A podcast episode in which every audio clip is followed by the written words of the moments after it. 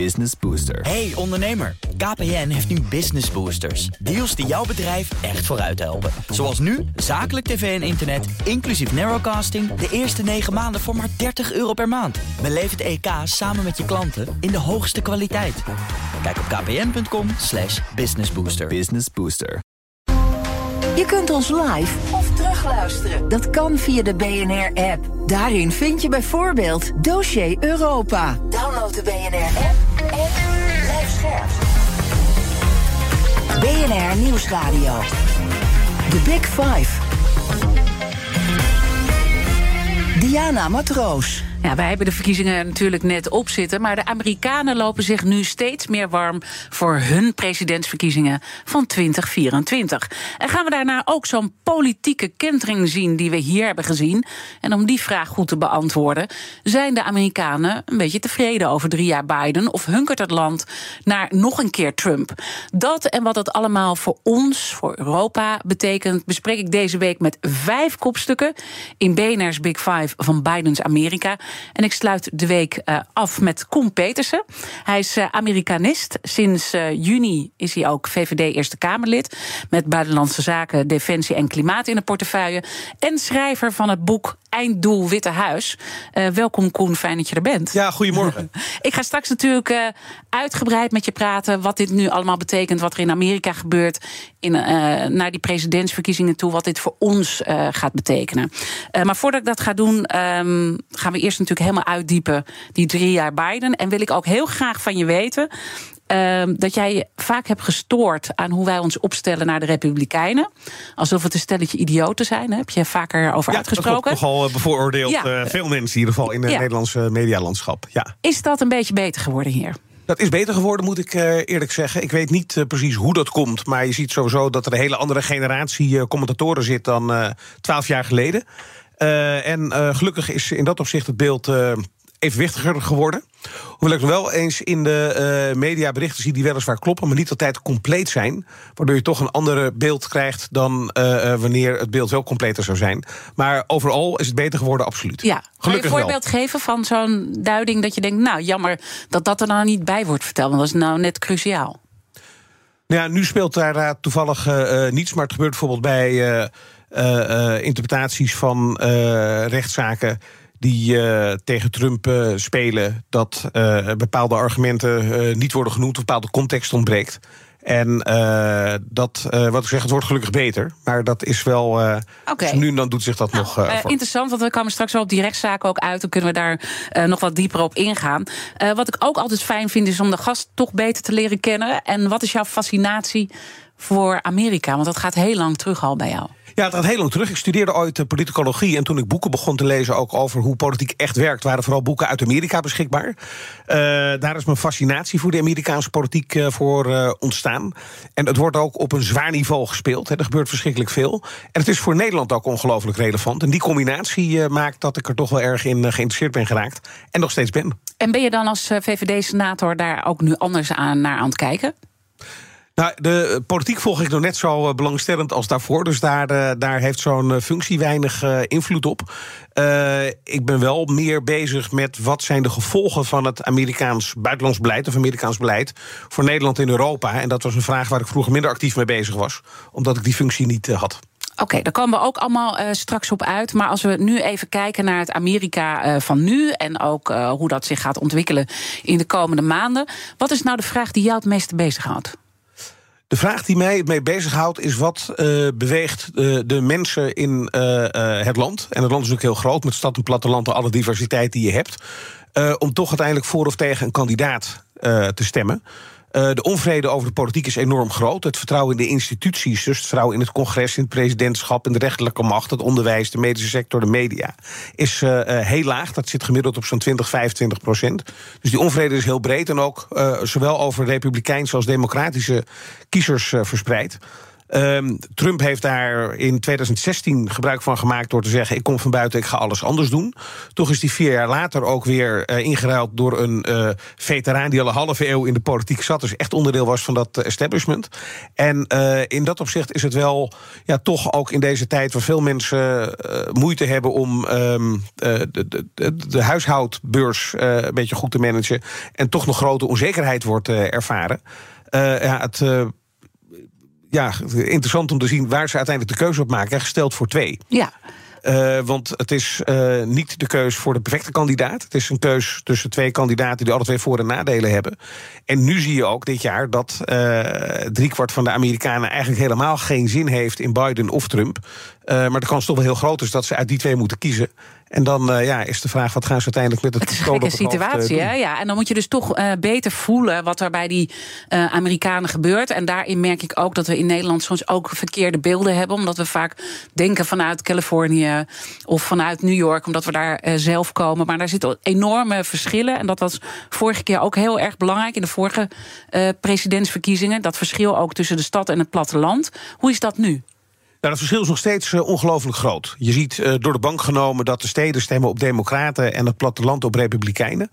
Um, en um, ook als je over het platteland rijdt, dan zie je ook wat voor. Um, nadeel die mensen kunnen ervaren. En ook daadwerkelijk ervaren. De, het zijn vaak landbouwstaten waar je honderden kilometers kunt rijden.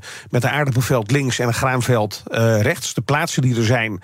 Uh, zijn uh, uh, armoediger geworden omdat de landbouw heel erg gerobotiseerd is. Dus heel veel economische activiteit is, is weg.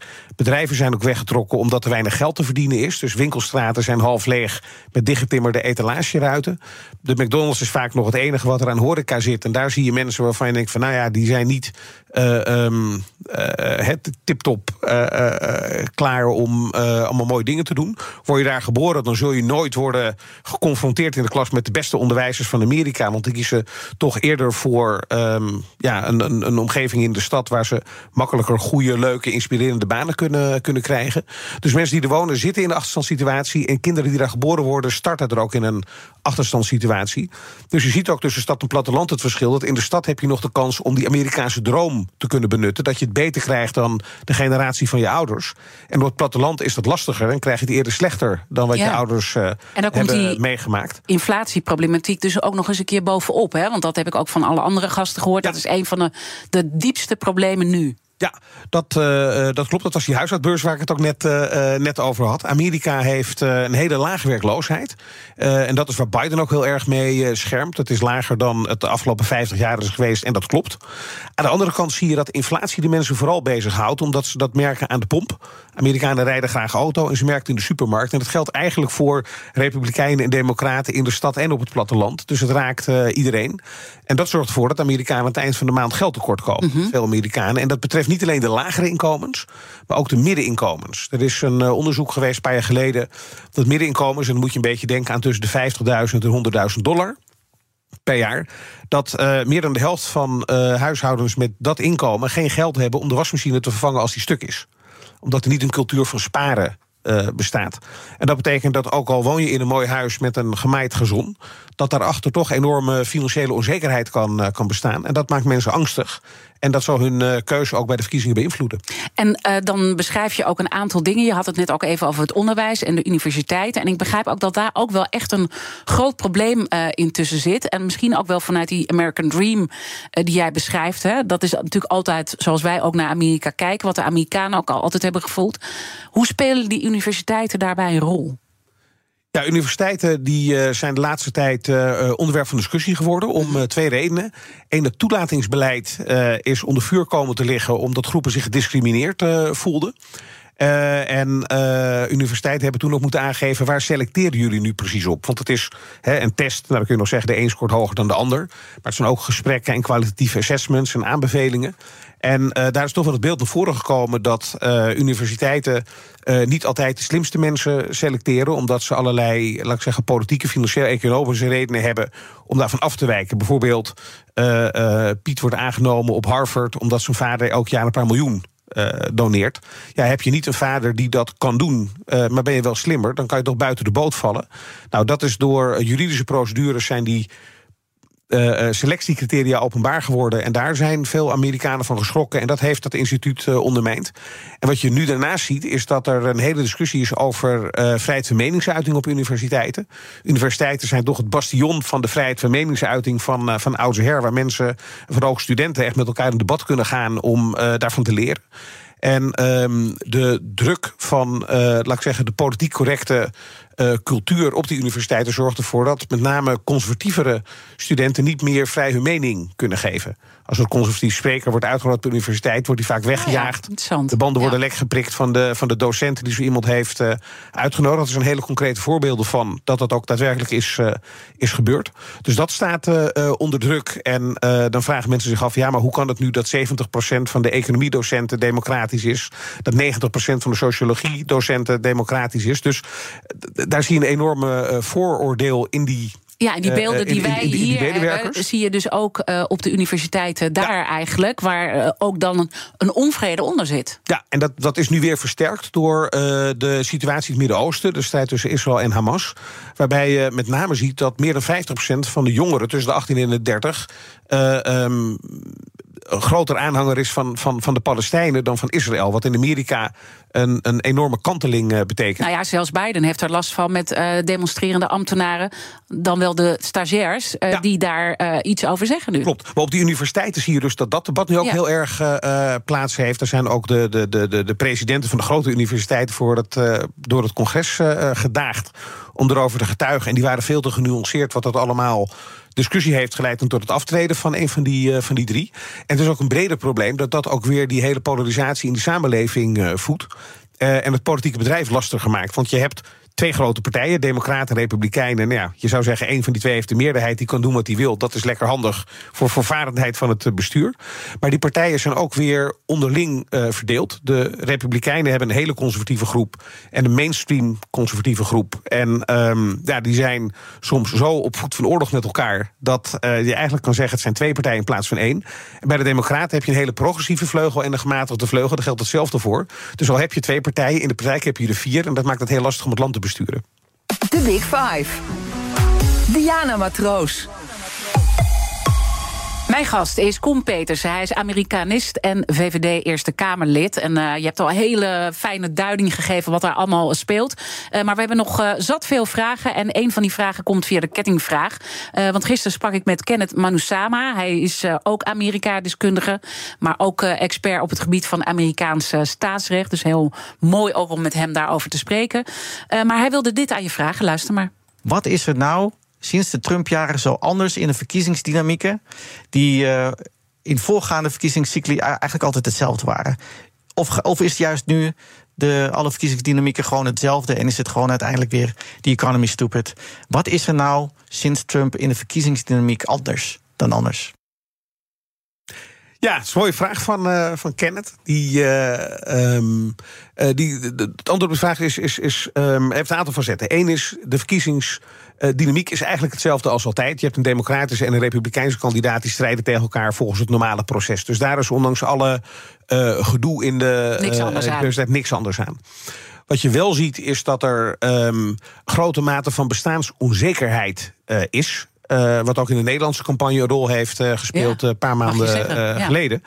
Um, en dat zorgt ervoor dat mensen wel um, met veel meer spanning op de lijn. In die verkiezingsstrijd zitten. En de polarisatie die je ziet, het politieke midden is eigenlijk weg. Je hebt een dominante republikeinse vleugel die conservatiever is, en een dominante democratische vleugel die progressiever is. Die staan elkaar veel meer naar het leven dan vroeger. En het is niet alleen dat, dat ze tegen elkaar zeggen: uh, we zijn het niet met elkaar eens. Maar ze zeggen: jij bent moreel verkeerd en een vijand van het land. En dat zorgt ervoor dat mensen elkaar ook in die politieke campagne veel meer naar het leven staan. Uh, dat zie je met een achterban die veel meer opgehitst uh, is. Dat zie je in de media die daar ook uh, op inspeelt. Omdat in Amerika de media van oudsher partijdig is. Dus die vullen die rol ook met, met verven. En dat zorgt er dus voor dat er veel meer spanning op de lijn staat in die verkiezingen dan in voorgaande jaren. Waar uiteindelijk altijd het politieke midden de kerngroep was van, van het electoraat.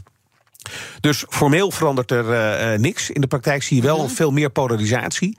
Ja, en dat zorgt ervoor dat ook um, de beleving dat als de ander wint, dat het land dan de afgrond indendert.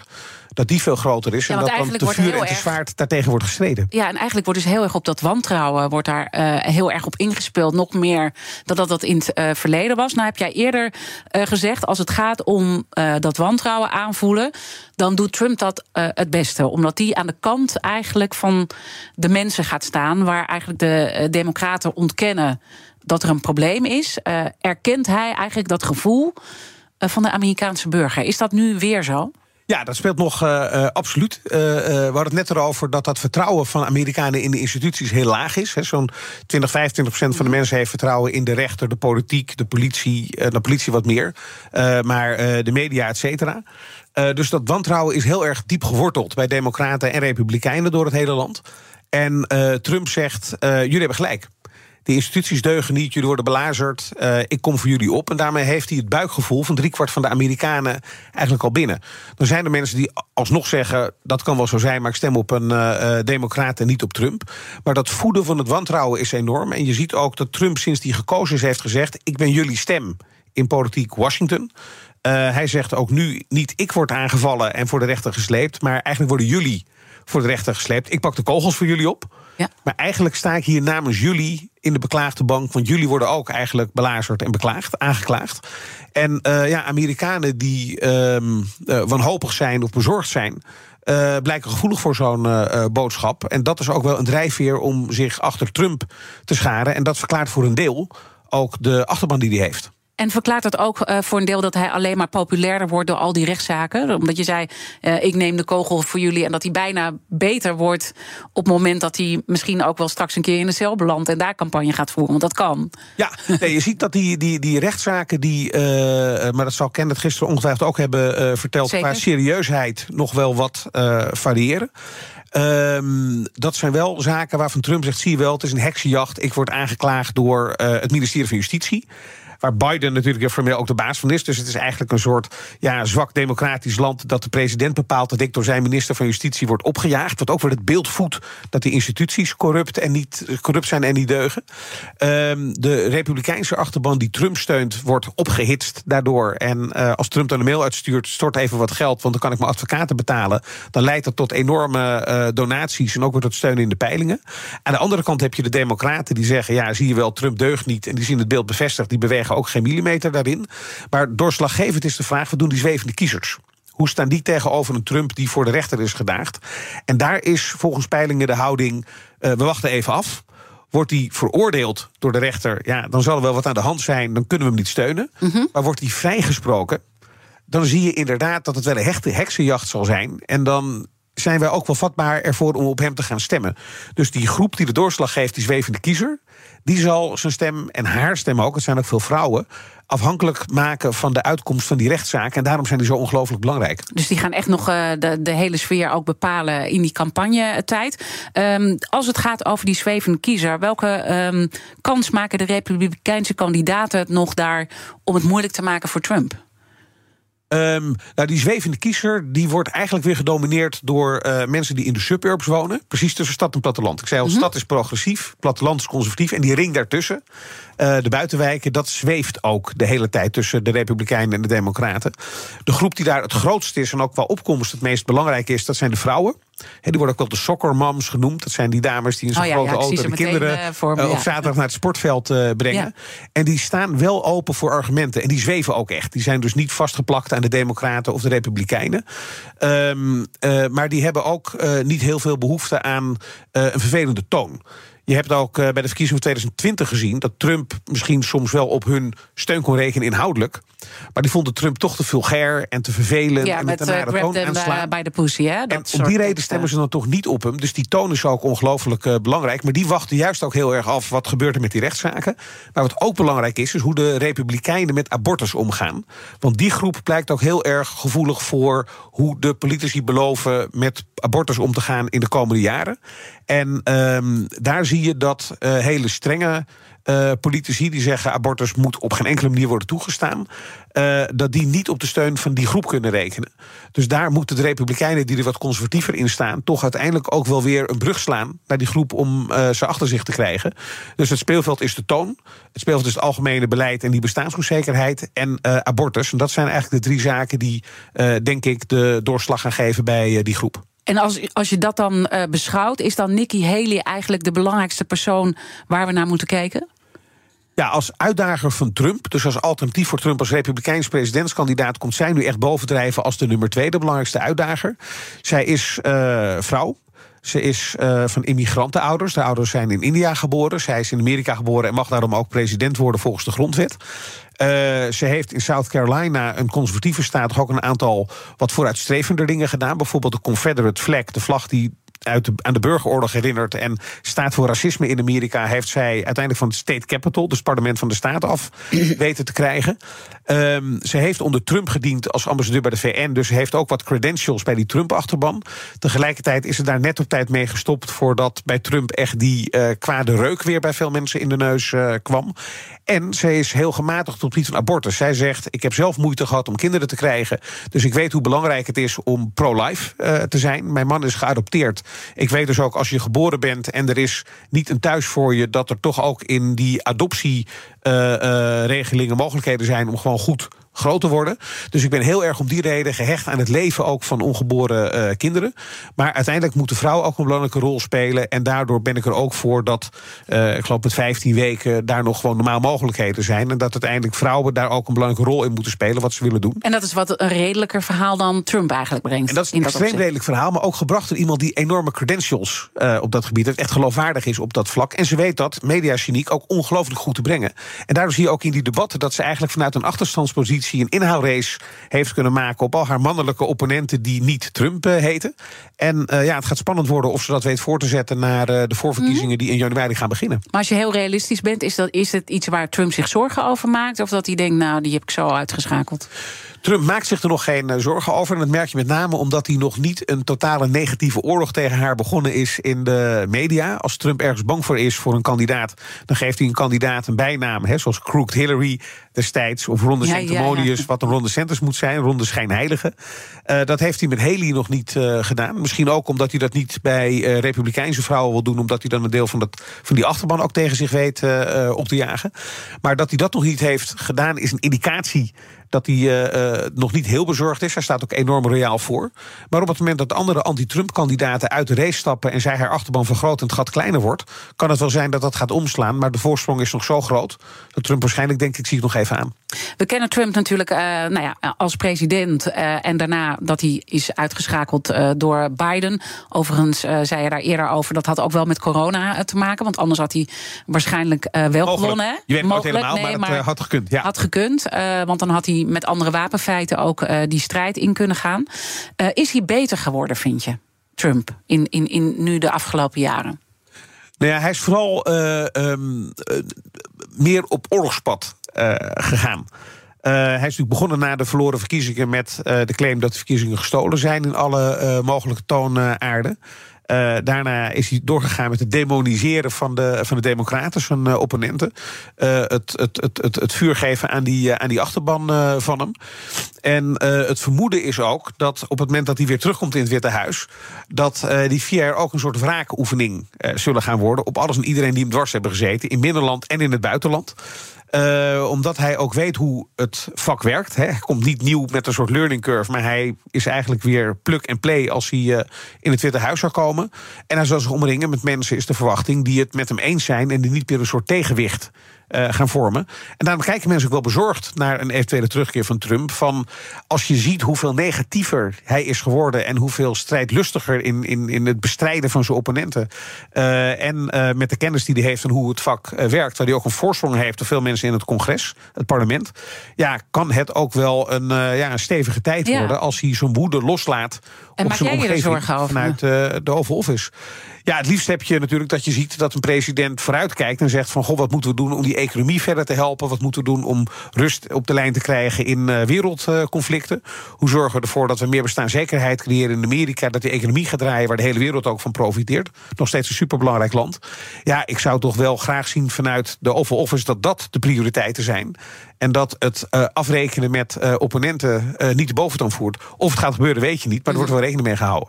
Laten we daar dan zo meteen over verder praten. Wat het ook allemaal voor ons betekent in Europa, in Nederland. En dan gaan we ook eens even duiken in Biden. Want die heeft het ontzettend lastig. En heel benieuwd naar jouw analyse. Kom Petersen, Amerikanist en VVD Eerste Kamerlid. Blijf luisteren. Business Booster. Hey ondernemer, KPN heeft nu Business Boosters. Deals die jouw bedrijf echt vooruit helpen. Zoals nu, zakelijk tv en internet, inclusief narrowcasting... de eerste 9 maanden voor maar 30 euro per maand. Beleef het EK samen met je klanten in de hoogste kwaliteit. Kijk op kpn.com slash businessbooster. Business Booster. BNR Nieuwsradio. The Big Five. Diana Matroos. Welkom bij Tweede Halfuur. Deze week praat ik met vijf kopstukken uit de wereld van de Amerikaanse politiek. In aanloop naar de verkiezingen daar in 2024. We weten één ding zeker. Vanaf januari gaat het echt uh, volledig los uh, in Amerika richting november uiteindelijk. Eerder deze week sprak ik daarover met Philip Marij, macro-econoom Verenigde Staten voor de Rabobank. Toen zijn we heel erg ingegaan op de staat van de Amerikaanse economie. En waarom Biden het nu ook zo uh, moeilijk heeft. Luister het terug via onze BNR-app. Mijn gast vandaag is Koen Petersen, Amerikanist en VVD Eerste Kamerlid. En uh, Koen, jij zit echt helemaal vol vuur uh, over Amerika. En zo lange dossierkennis al op dit punt. Ook boeken daarover geschreven. En merkte het ook al even in de break. Van we bleven maar doorpraten. En een vat met informatie. Dus laten we komend half uur goed benutten. Om te kijken naar het buitenlandbeleid. Want dat is ook jouw portefeuille ook als VVD-senator. Ja. Uh, en dat gaat natuurlijk wel wat betekenen welke nieuwe president uh, we gaan krijgen. En waarom Biden zo moeilijk heeft. Want we hebben het net over uh, Trump al best wel wat gehad. Als je analyseert de situatie, waar worstelt Biden nu het meeste mee op dit moment? Biden worstelt het meest met twee zaken. Eén is de inflatie. Dat houdt mensen echt wakker, omdat ze aan het eind van de maand geld tekort komen en elke dag aan de pomp en in de supermarkt hogere prijzen ervaren. en de tweede is hun leeftijd. Uh, Amerikanen denken dat een 81-jarige als president, die op zijn 82ste aan zijn tweede termijn zou moeten beginnen en nog tot zijn 86ste door moet, uh, dat het best wel een ding is, omdat mensen Biden de afgelopen jaren ouder hebben zien worden. Hij is soms verward. Uh, hij is een aantal keren gestruikeld. Dat kan iedereen overkomen, maar in die setting is dat wel iets wat meer in your face is en waar Amerikanen er wel mee worden geconfronteerd. Hij praat steeds zachter, hij loopt moeilijker. En dan denken Amerikanen ook van ja, als die dat de afgelopen jaren al ja. uh, wat slijtage heeft uh, laten zien, hoe moet dat dan als het nog vijf jaar door moet? En heeft dat dan vooral met hem te maken, hoe hij fysiek eraan toe is? Want uh, wat ik juist altijd in Amerika zie, is hoe ouder, hè, ook als, als je nou ja, programma's zoals ik deze doe, of als je nieuwslezer bent, hoe ouder bijna, hoe beter in Amerika. Ja, dat klopt. Alleen uh, het presidentschap is wel een vak waar je 24 uur per dag onder spanning ja. uh, staat. En uh, je ziet ook in bijvoorbeeld Biden gezinde media, zoals de New York Times, dat die ook wel interviews doen met mensen die ook de 70 en de 80 gepasseerd zijn. en mensen aan het woord laten die zeggen: Ja, ik ben hartstikke vitaal, ik fiets nog en ga naar de tennisclub. Maar ik zou geen president kunnen zijn, het zou moeten veel worden. Dus dat hele idee dat voor iemand van zijn leeftijd, hoe vitaal ook, zo'n baan toch wel heel veel vraagt. Dat is wel iets wat uh, terug blijft uh, keren. En in de beeldvorming, als hij dan weer een keer struikelt... of van zijn fiets afvalt, of zich verspreekt... of niet uh, vanaf het podium zijn stoel weet terug te vinden... ja, dan denken mensen wel van... jee, is dat nou iemand die ons land veilig kan ja. houden de komende jaren? Hebben ze een inschattingsfout gemaakt in het team Biden? Dat blijkt pas bij de verkiezingen. Ja. Want de inzet van uh, Biden zijn herverkiezing, ook door zijn partij en de steun die hij krijgt, is: ik ben de enige democraat die Trump kan verslaan. En ik heb het al laten zien. En daar is iets voor te zeggen, omdat naast bekendheid bij verkiezingen ongelooflijk belangrijk is. En Biden wel by far de meest bekende democraat is die nog een keer gekozen kan worden. Obama is natuurlijk ook super bekend, maar hij is al twee keer president geweest, twee termijnen, dus die mag volgens de grondwet niet meer. Nou ja, zijn vrouw. Maar die wil vrouw, niet, maar ja, die heeft dan weer niet echt de, de, de politieke credentials van... goh, is die nou ooit politica geweest? En waar, waar, waar, waar, waar, waar kan ze dan op terug, eh, terugvallen? Dus Biden is... ja, maar als je is- naar Trump kijkt, die is natuurlijk ook gewoon als eh, tv-ster er uiteindelijk eh, gekomen. Ja, die was tv-ster, maar die was ook vastgoed tycoon. Die heeft met een behoorlijk startkapitaal van zijn vader... wel zijn vermogen zo opgepompt... dat hij een gouden appartement heeft in New York... een villa in Florida en een vliegtuig met, een groot, met heel groot zijn naam erop. En dat geeft voor de Amerikanen dan toch ook wel aan... die heeft iets bereikt. En de Amerikanen zijn er stiekem ook wel een beetje jaloers op... omdat succes vaak in materiële zaken wordt vertaald. En dat heeft eh, Michelle Obama niet. Ze was extreem populair maar als first Oprah, lady. Oprah bijvoorbeeld wel, hè, maar die, die zal het ook niet willen.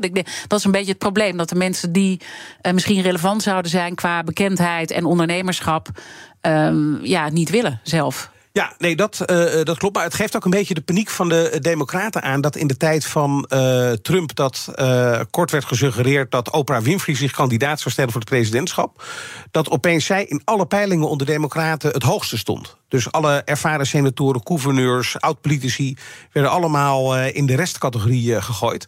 En als een tv-ster met een grote eh, aanhang opeens als de ideale presidentskandidaat wordt gezien in een partij die gevuld is met ervaren politici, geeft dat ook wel aan hoe eh, wantrouwend naar de zittende politici wordt gekeken. En Biden is de enige die daar de afgelopen tijd bovenuit is gestegen.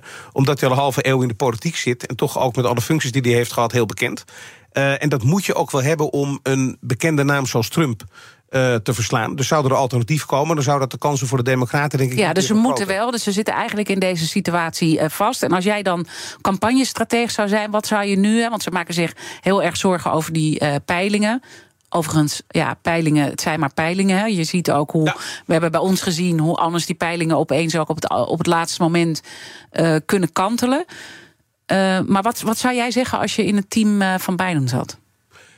Ik zou sowieso kijken naar wat kun je nog tegen de inflatie doen. En dat betekent dat je zal moeten bezuinigen... omdat Biden heel veel geld heeft bijgedrukt... met allerlei projecten voor infrastructuur... voor groene industrie en allerlei andere zaken... die hij niet aan de markt heeft overgelaten... maar als overheid heeft gedaan.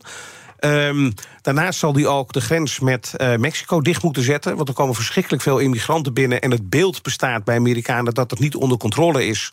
Eh, Republikeinen tamboureren daar enorm op, omdat onder Trump die aantallen veel lager waren. Eh, dus daar zal hij wat moeten doen. Dat willen de Republikeinen ook graag. Dus daar ligt een kans voor hem. En ja, hij zal toch op een of andere manier het beeld ook moeten neerzetten, omdat dat ook uiteindelijk heel belangrijk is. Dat hij toch vitaal genoeg is om dat presidentschap nog vier jaar te kunnen doen. En dan speelt ook nog die Hunterzaak hè, van zijn zoon. eh, wat ook aan hem gelinkt wordt. Dat hele corruptieverhaal. Gaat dat hem eh, echt bemoeilijken, denk je, in het proces? Het maakt in ieder geval de eh, nadelen die Trump heeft, omdat hij permanent bij de rechter voor het hekje staat, eh, kleiner. Omdat eh, Trump ook nu kan zeggen: ja, er is een heksenjacht op mij. En kijk eens hoe Biden uit de wind wordt eh, gehouden. Het is een strafzaak die tegen zijn zoon loopt. Met belasting, wat hij te weinig betaald heeft. En wapens die hij heeft gekocht, terwijl hij het formulier voor de achtergrondcheck niet volledig heeft ingevuld. Hij heeft ook zaken gedaan op een manier die eigenlijk lastig te begrijpen is, omdat hij bij bedrijven duur betaalde banen heeft gekregen zonder dat hij daarvoor gekwalificeerd was. Biden zelf heeft altijd gezegd: ik heb er altijd afstand van genomen. Ik heb het nooit met mijn zoon besproken. Maar dat verhaal begint wat te glijden. Hij heeft nu gezegd: het niet, ik heb het niet met, me- met hem besproken, maar ik heb er nooit bemoeienis mee gehad. En opeens komen de getuigen die zeggen: ja, maar hij belde gewoon in business meetings waar zijn zoon met eh, zakenrelaties aan het eh, praten was. Dus dat verhaal is niet standvast. En dat doet wel het wantrouwen op van. eh, Terwijl ik gisteren met Kenneth Manusama, die nou ja, gespecialiseerd is in dat staatsrecht, die zegt: ja, de bewijzen zijn wel flinterdun hoor. De bewijzen zijn flinterdun, maar dat, dat de Republikeinen zeggen dat dat ook komt omdat ze niet de kans hebben gekregen om die bewijzen van mensen los te trekken. En er is nu een, een impeachment, een voorbereiding van een impeachmentonderzoek door Republikeinen gestart, een afzettingsprocedure, eh, zonder dat eigenlijk helder is wat, waar Biden nu van wordt beschuldigd. Maar de Republikeinen doen dat omdat ze dan mensen onder ede kunnen dwingen te getuigen. En zij hopen op die manier informatie te krijgen die op een andere manier niet bij ze komt. Ja, en dan zal moeten blijken of daar wat eh, uitkomt of niet. En dat is Ja, wel bekend. Het is toch eigenlijk gewoon verschrikkelijk dat, dat die hele verkiezingen gewoon met. met nou, we hebben twee kandidaten die allebei. Nou ja, Trump heeft er nog wat meer met 91, maar zoveel rechtszaken. Het is toch echt een puinhoop. Ja, liever heb je dat niet. Uiteindelijk zal de rechter wel moeten bepalen of iemand schuldig aan, eh, eh, aan, die, aan die zaken is. Maar eh, als je tien jaar geleden had gezegd dat dit de situatie was in de Verenigde Staten bij de verkiezingen van 2024, had iedereen even gek verklaard. Ja, want dit doet toch nergens aan denken? Ook in andere Nee, nou goed, verkiezingscampagnes. In, in, in, verkiezingscampagne in de Verenigde Staten is dit nooit zo eerder eh, voorgekomen. Eh, en het merkwaardige is dat ook kandidaten die zoveel gedoe met zich meebrengen. Eh, toch eh, beide op een behoorlijke steun kunnen rekenen. Elk in hun eigen partij. En dat is ook vreemd, want kandidaten waar een vlekje aan zit, die heb je altijd gehad. Maar meestal vallen die dan eh, van de plaat en daar hoor je nooit meer wat van. En nu zie je dat beide kandidaten toch afstevenen op de kandidatuur van hun partij. Ja, dat is wel nieuw. Omdat er ook geen beter alternatief is. Nou, binnen de Republikeinen wordt die strijd opengevoerd met kandidaten die zich hebben gekandideerd. Maar die weten nog onvoldoende achterban te mobiliseren. Dus daar staat Trump op de normale manier, zal ik maar zeggen, toch heel sterk in zijn eigen partij. Bij Biden doen de Democraten er alles aan om andere kandidaten te ontmoedigen om zich eh, te kandideren. Daar heeft Biden dat eh, voordeel van. Maar die heeft vier jaar geleden op eigen kracht die nominatie eh, gewonnen na een harde voorverkiezingsstrijd. Dus het is waar de achterbannen van kiezen. Ja. Eh, en zij zijn afhankelijk van de mensen die hun Maar vinger begrijp jij, opsteken. die, eh, begrijp jij die achterbannen nog? Dat, dat ze dit dus niet zien als iets van daar willen we niks mee te maken hebben. Is de Amerikaan daarin gewoon veranderd? Ik denk wel dat door eh, eh, social media de, de verschillen eh, juist worden benadrukt. In plaats van waar mensen nog bepaalde verbindende krachten kunnen hebben. Want hoe extremer, hoe meer kliks en je krijgt en hoe meer viral je gaat. En op social media is weinig ruimte voor nuance. En dan, als dat de nieuwe norm is, dan is degene die het minst genuanceerd is vaak de beste kandidaat. We weten uiteindelijk, als het over het eh, buitenlandbeleid gaat, dat die eh, twee oorlogen natuurlijk ontzettend belangrijk zijn. Je vertelde net al even hoe moeilijk Biden het daar ook mee heeft. eh, omdat er toch ook in zijn eigen achterban, met name de jonge mensen, toch wel pro-Palestijnen zijn. Hè? En, en dat daar ook wat barsjes beginnen te vertonen. We weten ook dat uiteindelijk het buitenlandbeleid nooit bepalend is in verkiezingen. Maar zou je kunnen stellen dat eigenlijk de Amerikaan steeds minder zin heeft in het buitenlandbeleid? En dat het dus in nog, nog nadeliger uitpakt voor Biden? Ja, buitenlands beleid is nooit inderdaad een, een doorslaggevende factor. Behalve na de aanslagen van 11 september. Toen heeft Bush wel met zijn eh, oorlogen tegen Irak en Afghanistan. eh achterman weten te mobiliseren. om te laten zien wij zijn sterk en we domineren de wereld eh, nog steeds. Ehm eh, Amerikanen hebben wel zoveel problemen op het binnenlands gebied, zoals die ervaren, zoals die, die inflatie en te weinig geld en de problemen aan de grens. Dat ehm, eh, ook wel het sentiment is dat daar eerst maar eens orde op zaken moet, eh, moet worden gesteld. Een veilige wereld vinden ze ook belangrijk, maar dat moet niet een bodemloze put zijn. Amerikanen zijn net weggegaan uit Afghanistan en uit Irak, wat ook twintig jaar heeft geduurd, heel veel geld heeft gekost. En Biden weet met zijn regering onvoldoende concreet te maken waar die hulp aan Oekraïne nu uiteindelijk ook toe moet leiden. En dat is de uitdaging die hij heeft. Want als hij dat kan doen, dan kan hij ook laten zien dat de betrokkenheid van Amerika in Oekraïne niet alleen voor Europa heel erg belangrijk is en voor Oekraïne, maar juist ook voor Amerika, Ja. omdat je geopolitiek gezien een situatie creëert die voor Amerika ook veel meer rust op de lijn eh, brengt. Maar de Amerikanen voelden zich vroeger ook echt wel verantwoordelijk voor, eh, voor de wereld. Eh, een baken van hoop die ze ook wilden brengen. En is dat gevoel een beetje naar de achtergrond gegaan? Het is ehm, wel iets naar de achtergrond gegaan, omdat net als in Europa het idee van de wereld is veilig, dus we hoeven daar wat minder aan te besteden, eh, is gegroeid. Het interessante is wel dat je ziet dat eh, onder de bevolking de steun voor Oekraïne afneemt, maar onder politici die steun nog steeds heel groot is. Als je kijkt naar een meerderheid van Republikeinen en Democraten in het Huis en in eh, de Senaat, dan zie je dat in beide gevallen de steun nog aanzienlijk is. Alleen omdat de partijen discipline vragen en eisen dat politici meestemmen met hun partij, maakt dat dat debat veel minder vrij. Maar als je een vrije keus zou laten, is die meerderheid er wel.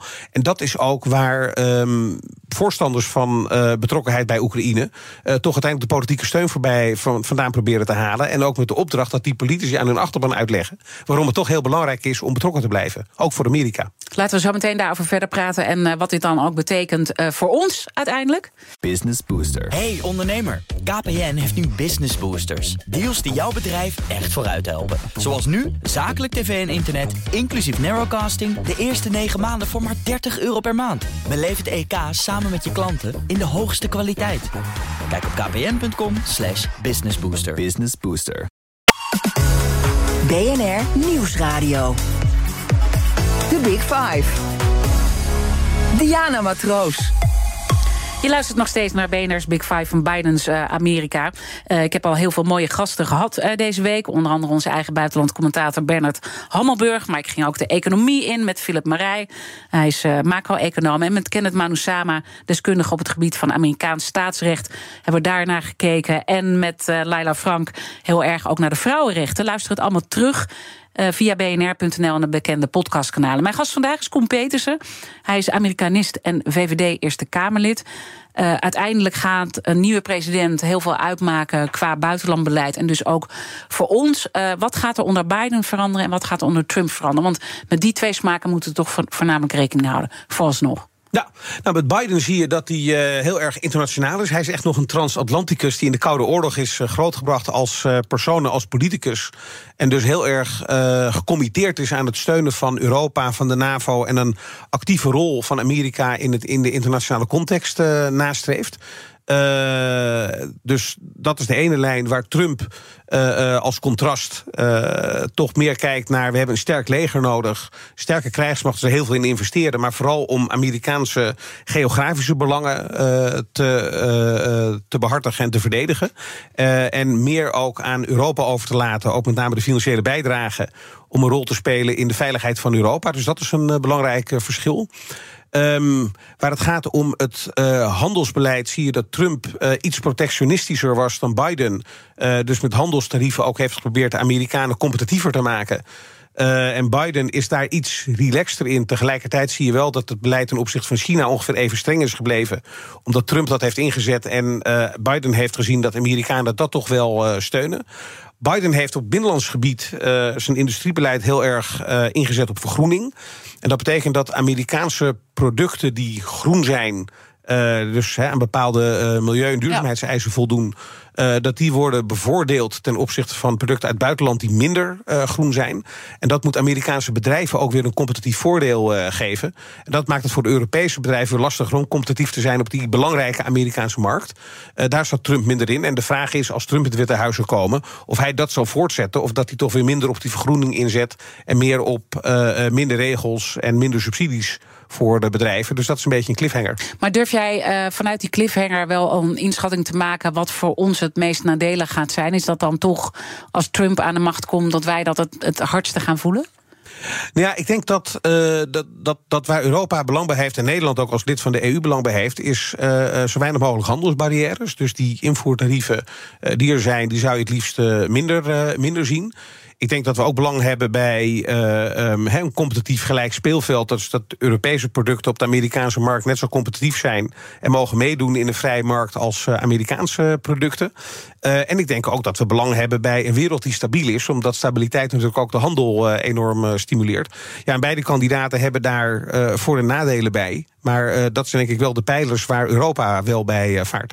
Als we het even houden bij eigen land, dan hebben we hier natuurlijk een politieke kentering uh, gezien. Uh, verwacht je dat daar ook? in Amerika? Nou, je ziet sowieso de verharding van het politieke debat waar we ja, eerder over ja. hadden. En dat ook de uh, meer populistische stijl van Trump er toch een enorme uh, goede voedingsbodem heeft. Net zoals je dat ook in Engeland zag bij de Brexit, in Frankrijk met uh, Le Pen, in Duitsland met de AFD. Dus het is, het is wel iets wat je wereldwijd ziet, maar niet een typisch Amerikaans fenomeen is. Maar uh, het debat is wel veel minder genuanceerd uh, geworden. En Trump schetst uh, met name op het populisme met betrekking tot immigranten. Dat hij de grens wil zal sluiten, dat Biden er een potje van maakt. Dat de, de immigrantenpolitiek, de gevolgen van nu overal zichtbaar zijn. Dat Biden een slapjanus is. En dat is wel iets wat ook steeds prominenter wordt, omdat vroeger, tot een paar jaar geleden, alleen de grensstaten last hadden van uh, de overlast he, die ze konden ervaren van immigranten uit Mexico. Maar gouverneurs uit die staten hebben gezegd: we zetten ze op de bus en we dumpen ze in New York ja, en in klopt. Boston en op allerlei andere plekken waar normaal nooit een immigrant komt. En nu hebben we opeens op die steden ook met enorm gedoe te maken, omdat ze uh, niet de opvangfaciliteiten hebben voor die mensen. Die gaan dan op straat zwerven. Nou, dat is allemaal dus anders dan daarvoor het. was. Ja. Dus opeens voelt iedereen het. En dat maakt wel die immigratiepolitiek en ook de retoriek daarover veel belangrijker in het debat dan dat de vorige verkiezingen. Nou ja, dat is bij ons natuurlijk ook zo, want het kabinet is uiteindelijk over migratie gevallen. En je ziet nu hoe belangrijk het is ook hè, met uh, het samenstellen van een uh, nieuw kabinet. Ja. Dat dat eigenlijk het, en, en, ook de kiezer daarin heeft heel duidelijk heeft gesproken. Uh, als je dat dan zo beziet, zou Wilders het heel goed kunnen vinden met Trump. Dat vind ik een beetje een lastige om, om, om, om precies te vinden. Um, ik denk dat ze elkaar waar het gaat om, uh, laat ik zeggen, ronkende retoriek uh, uh, goed, kunnen, goed kunnen vinden. Je ziet dat Wilders een heel progressief programma heeft, dat vaak meer op de SP lijkt ja. dan, dan op vrije markt denken. Zo, ja. Maar het gaat om sociaal-economisch, financieel-economisch beleid. Trump zit wel heel erg aan die businesskant. Dus ik denk dat als het daarover gaat, dat ze misschien toch wel heel erg van mening verschillen. Uh, maar waar het gaat om het uh, ja, met, met krachtige taal mobiliseren van de achterban, daar zie je wel stijlovereenkomsten.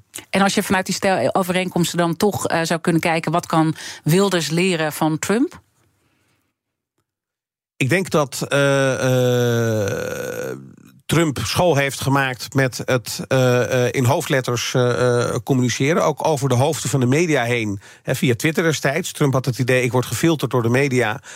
dus ik vertel mijn eigen verhaal. En ik denk dat je ook wel bij Wilders hebt gezien in de campagne dat hij daar ook zelf gebruik van heeft gemaakt. Dus um, of ze veel van elkaar kunnen leren, weet ik niet. Maar dat ze in dat soort opzichten qua stijl wel zaken gemeen hebben, dat zie je wel. Als we nu kijken naar de komende maanden, want vanaf januari dan gaan die voorverkiezingen gaan natuurlijk los. Waar, waar, ga jij nou het meeste op letten? Dat we ook een beetje met jouw kennis ook zelf een beetje slim kunnen kijken naar die campagne de komende tijd. Ja, ik denk vooral hoe sterk gaat Nikki Haley, de dame waar we het over gehad hebben, uit de strijd komen. Uh, en dan met name bij New Hampshire. De eerste voorverkiezing is in Iowa, maar dat is een, een, een caucus wat een complex proces is waaraan alleen partij diehards uh, deelnemen.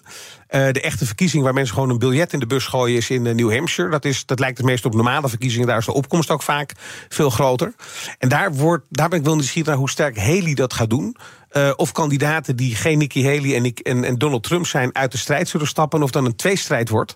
En waar die achterban van de kandidaten die eruit stappen naartoe gaan. Want niet alle uh, mensen die nu niet op Trump stemmen zijn per se voor de overgebleven kandidaat. Die kunnen ook naar Trump gaan. Maar zodra het een tweestrijd wordt, uh, en ik ben dus benieuwd hoe snel dat gaat gebeuren. Dan ben ik ook benieuwd hoe die achterbannen zich gaan verdelen. En dan blijft of dat gat heel groot en dan lijkt het een gelopen race voor Trump. Of dat gat wordt kleiner. En dan kan het nog wel wat spannender worden.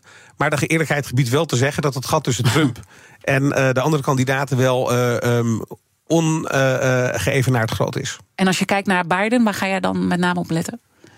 Nou ja, hoeveel steun die behoudt van zijn achterban. Uh, omdat uiteindelijk niet alleen uh, peilingen belangrijk zijn, maar vooral de vraag: gaan mensen ook naar de stembus? Uh, hij heeft jongeren nodig die grotendeels democratisch stemmen. En die vervreemdt hij nu van zich met zijn beleid met Israël en Hamas. waar we het net over hebben gehad, dat de grote van de jongeren daar anders naar kijkt dan hij. Um, en als mensen denken, ja, ik zou wel op hem willen stemmen... maar ik kom niet meer uit mijn luie stoel... want ik weet niet of hij het goed gaat doen. Dus ik heb een voorkeur voor hem, maar ik ga niet naar de stembus. Uh, als dat enthousiasme voor hem ontbreekt, en dat is daar heel bepalend voor... dan kan het ook zijn dat hij het in peilingen heel goed doet... maar uiteindelijk met de uh, op verkiezingsdag niet. Omdat mensen toch niet de moeite willen nemen om voor hem door het vuur te gaan. En dat, daar zou hij wat aan moeten gaan doen. En hier in Nederland weten we ook altijd, uh, als het om verkiezingen gaat, er kan zomaar iets in de actualiteit gebeuren. Waardoor het hele speelveld anders wordt. En echt nog zo'n verkiezing op het laatste moment totaal een andere kant uh, op kan gaan. Is dat in Amerika ook zo of werkt het wezenlijk anders daar? Nee, dat wordt vaak nog de oktober surprise genoemd. Verkiezingen zijn altijd de eerste week van, van november. En als er in uh, oktober nog iets gebeurt wat een totale verrassing is, dan kan dat ook nog uh, de uitslag volledig beïnvloeden. Als bijvoorbeeld onverhoopt een aanslag uh, zou worden gepleegd met die veel opzien baart. En het blijkt te kunnen worden gekoppeld aan een uh, illegale immigrant die door slechte grensbewaking de grens over is gegaan. Ja, dan zullen de Democraten zeggen: zie je wel wat een slapje aan is die Biden is. En kijk eens wat een uh, gevolgen dit, uh, dit heeft. En dat kan er nog opeens dat sentiment de andere kant op, op laten gaan.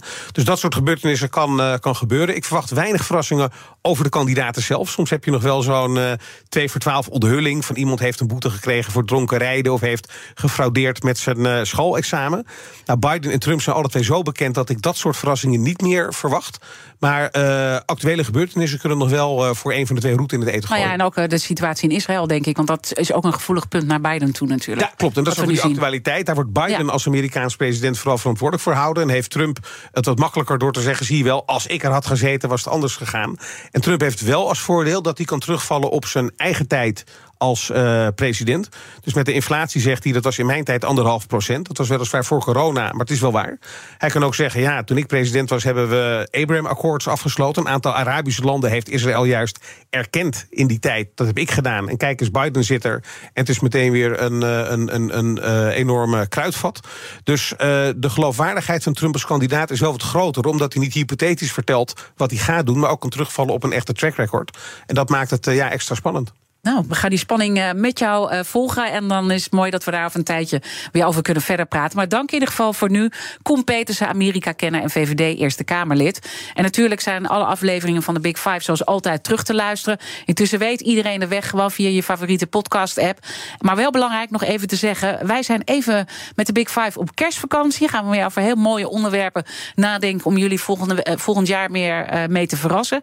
Maar in de komende weken kun je wel luisteren naar mooie gesprekken die mijn collega Art Royakkers uh, eerder voerde over evolutie. Was een hele mooie week, dus luister die uh, zeker weer even terug op onze zender of in de podcast natuurlijk. En in de eerste week van januari hoor je gesprekken die ik eerder voerde over de wereld van olie en gas, wat daar allemaal speelt. Uh, voor nu wens ik je ook namens het hele team van de Big Five een hele fijne kerst. Een prachtig 2024. Het is een beetje vroeg, maar dit is het enige moment waarop ik dat kan zeggen. En dat het maar een heel mooi jaar voor je mag worden. Uh, maar blijf nu luisteren naar Zaken doen met Thomas van Zijl. Ik wens je een mooie dag en een prachtig weekend. Business Booster. Hey ondernemer, KPN heeft nu Business Boosters. Deals die jouw bedrijf echt vooruit helpen. Zoals nu, zakelijk tv en internet, inclusief narrowcasting... de eerste 9 maanden voor maar 30 euro per maand. Beleef het EK samen met je klanten in de hoogste kwaliteit. Kijk op kpn.com businessbooster. Business Booster.